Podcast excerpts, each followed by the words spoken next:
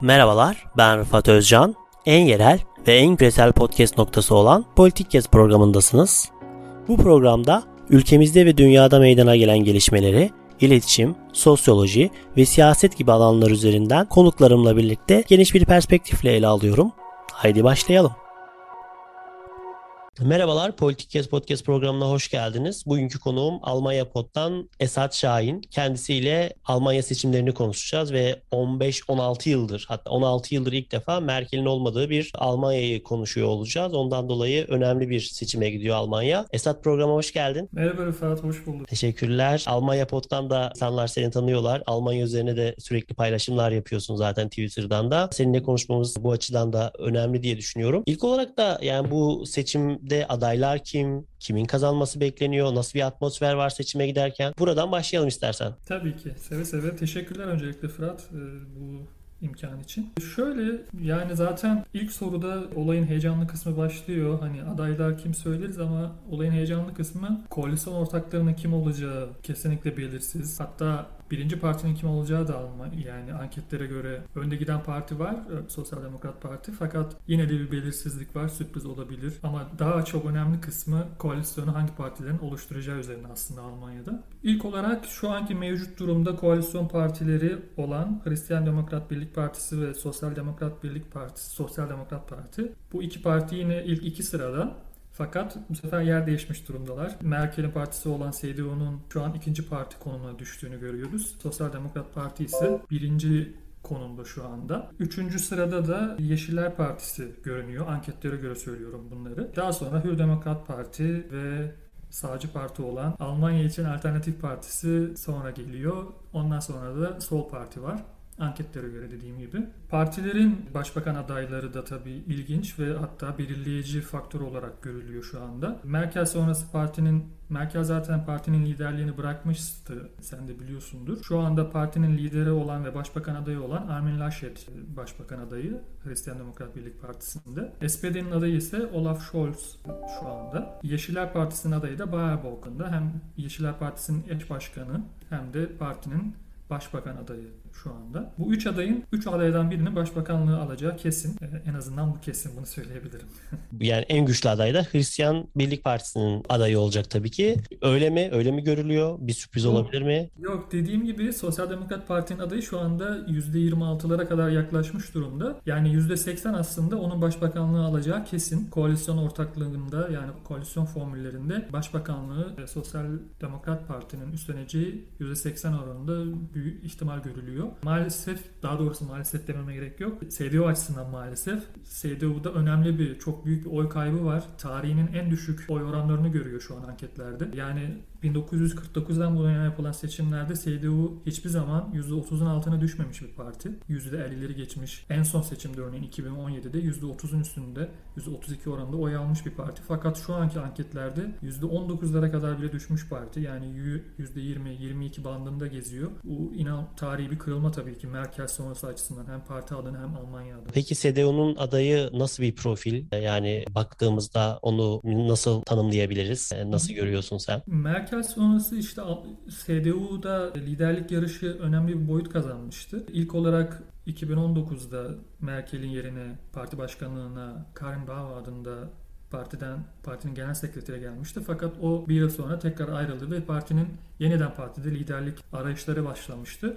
Orada da Armin Laschet aday olmuştu ve Friedrich Merz aday olmuştu. Friedrich Merz partinin sağ kanadını temsil ediyordu. Üçüncü bir aday vardı ama o oy oranı zaten düşük olduğu için şu an şey yapmıyorum. Anlatmaya gerek görmüyorum uzun. Armin Laschet ve Friedrich Merz arasında geçen bu yarışta çok birbirine yakın bir şekilde ilerledi yarış ve sonuçta da Armin Laschet partinin başkanlığına seçildi. Laschet o dönemde aslında daha çok Merkel'in politikalarını devam ettireceği ümidiyle seçildi. Partinin daha sağ kaymaması, Almanya'nın geneline Merkel döneminde olduğu gibi hitap ede, edebilmesi için aslında parti üyeleri Armin Laschet'i seçti. Fakat Armin Laschet aslında aday olduğu süreçten itibaren pek de böyle Almanya halkı arasında ne de parti üyeleri arasında çok favori olarak görülen biri değildi açıkçası. Laschet Almanya'nın Kuzey Ren-Vesfalya eyaletinin başbakanı aslında bilinen bir politikacı. Çok uzun zamandır CDU içerisinde ve Almanya politikasında aktif bilinen bir siyasetçi. Ama böyle çok karizmatik bir lider profili olmadığı için bir de özellikle aday olduğu süreçten sonra bazı önemli hatalar yaptı. Onlara da değiniriz. O yüzden açıkçası SDO'nun bu kadar büyük oy kaybı yaşamasında Armin Laschet'in çizdiği profil çok önemli bir etken oldu diye tahmin ediliyor. Peki Laschet'in vaatleri neler? Nasıl bir Almanya tahayyül ediyor? Neler öneriyor? Neler yapacağını vaat ediyor halka?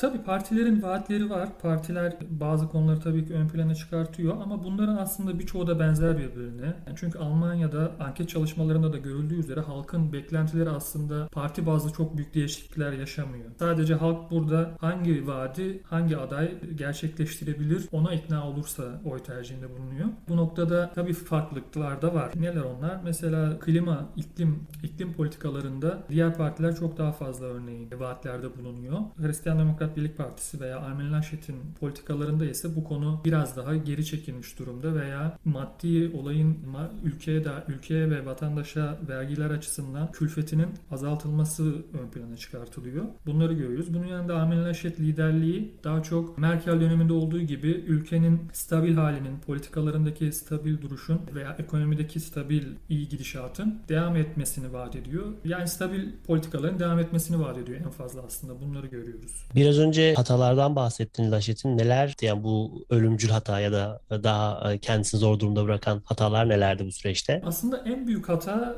veya kendi mizacıyla da ilgili biraz belki biliyorsundur Almanya'da bir sel felaketi yaşandı bundan kısa süre önce ve çok fazla insan hayatını kaybetti yüzün üzerinde insan. Burada Laşet'in başbakan olduğu eyalette yaşandı bu durum ve sel felaketinin olduğu dönemde böyle çelişkili açıklamalarda bulundu. Pek aktif olmadı ve hatta en önemli kırılma ise Almanya Cumhurbaşkanı Steinmeier'in sel felaketini sel felaketinin yaşandığı bölgede basın açıklaması yaptığı sırada sanırım kendisi farkında değildi. Arkada kameraların Steinmeier'in arkasındaydı böyle en az 10 metre falan arkasındaydı ve başkalarıyla konuşuyordu. İşte Almanya şimdi Cumhurbaşkanı olarak orada çok üzgün açıklamalar yaparken kendisi orada kahkahalar atıyordu arkadaşlarıyla konuşurken. Böyle çok eğlenceli bir sohbet ediyorlardı anladığım kadarıyla. Bu tabii inanılmaz bir sansasyon yarattı açıkçası Almanya'da.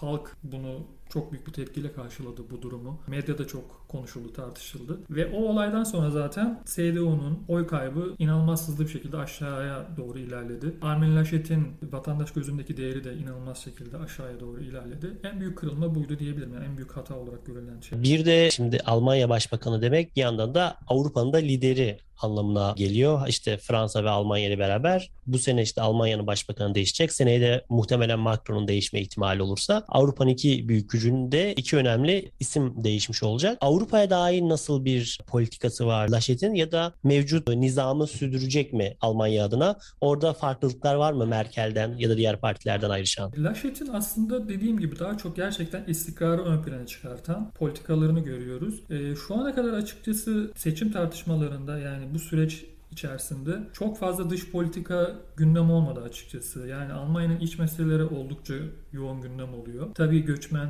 meseleleri işte e, mülteciler meseleleri de gündem oluyor. Fakat ne Avrupa Birliği ile ilişkiler ne de dış politikada işte Amerika ile ilişkiler olsun.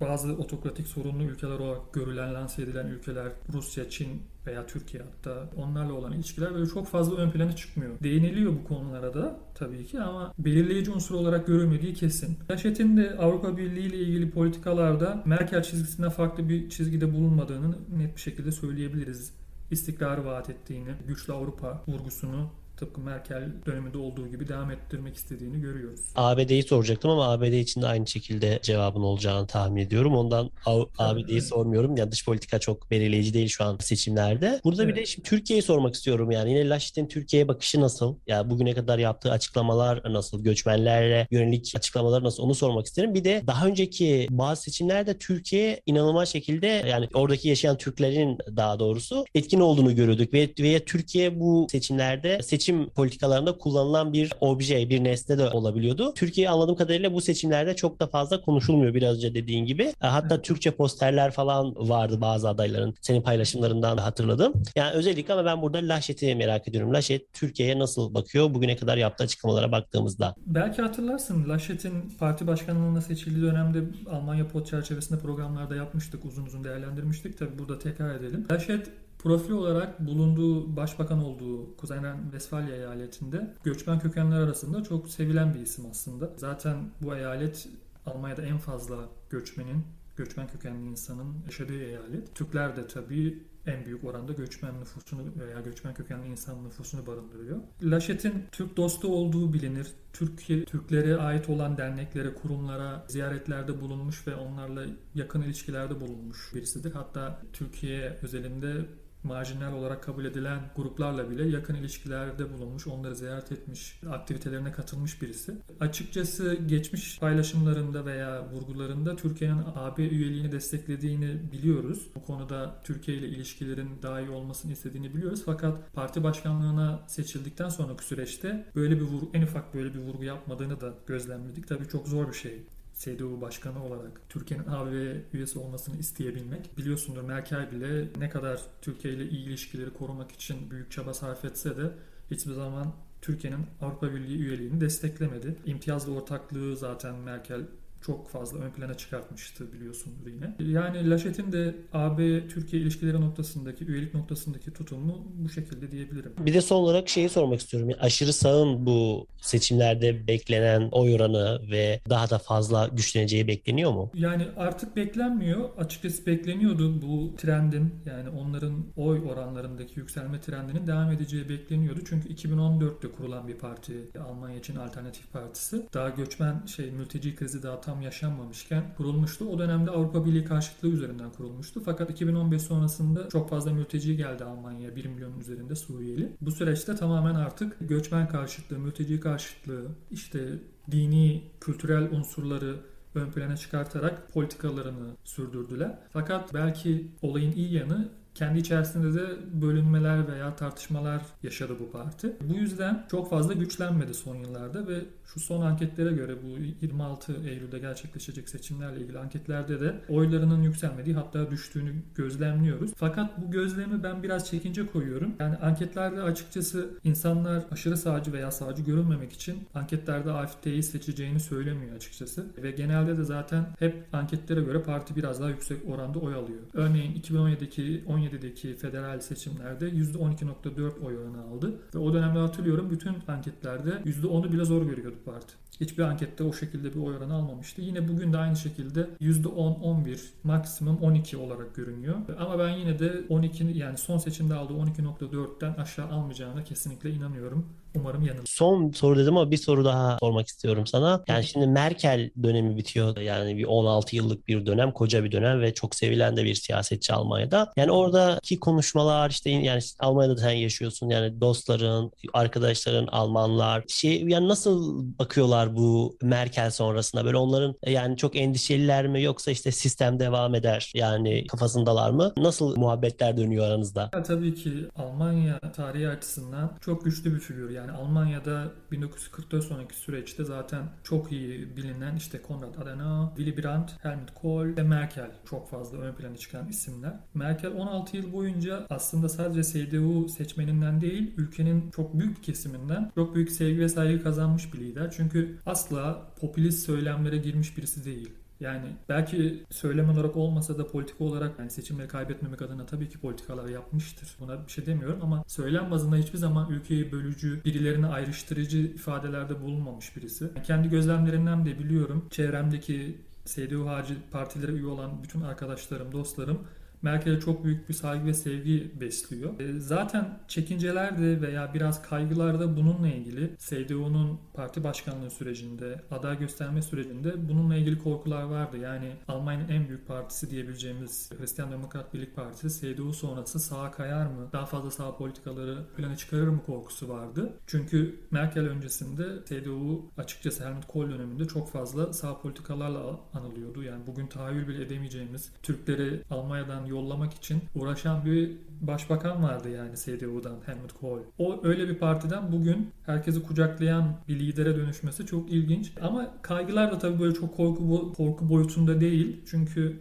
sen de değindiğin üzere Almanya'da bir sistemi olan, Almanya bir sistemi olan bir ülke böyle çok bambaşka politikaların bir anda savunulabileceği bir ülke değil. O yüzden sadece böyle şey var, merak var. Ne olacak, ne, nereye gider boyutunda ama böyle çok büyük bir kaygı boyutunda değil açıkçası. Çok teşekkür ederim Esat. Benim sorularım burada bitti. Programa katıldığın için çok çok teşekkür ederim. Rica ederim abi. Umarım güzel olur her şey. Yani Almanya açısından seçimler sonrasında. Umarım öyle olur. Ee, Almanya Pod'dan Esat Şahin'le bugün Almanya seçimlerini konuştuk. Merkelsiz Almanya'yı konuşmaya çalıştık. Bizi dinlediğiniz için teşekkürler. Kulağınız bizde olsun.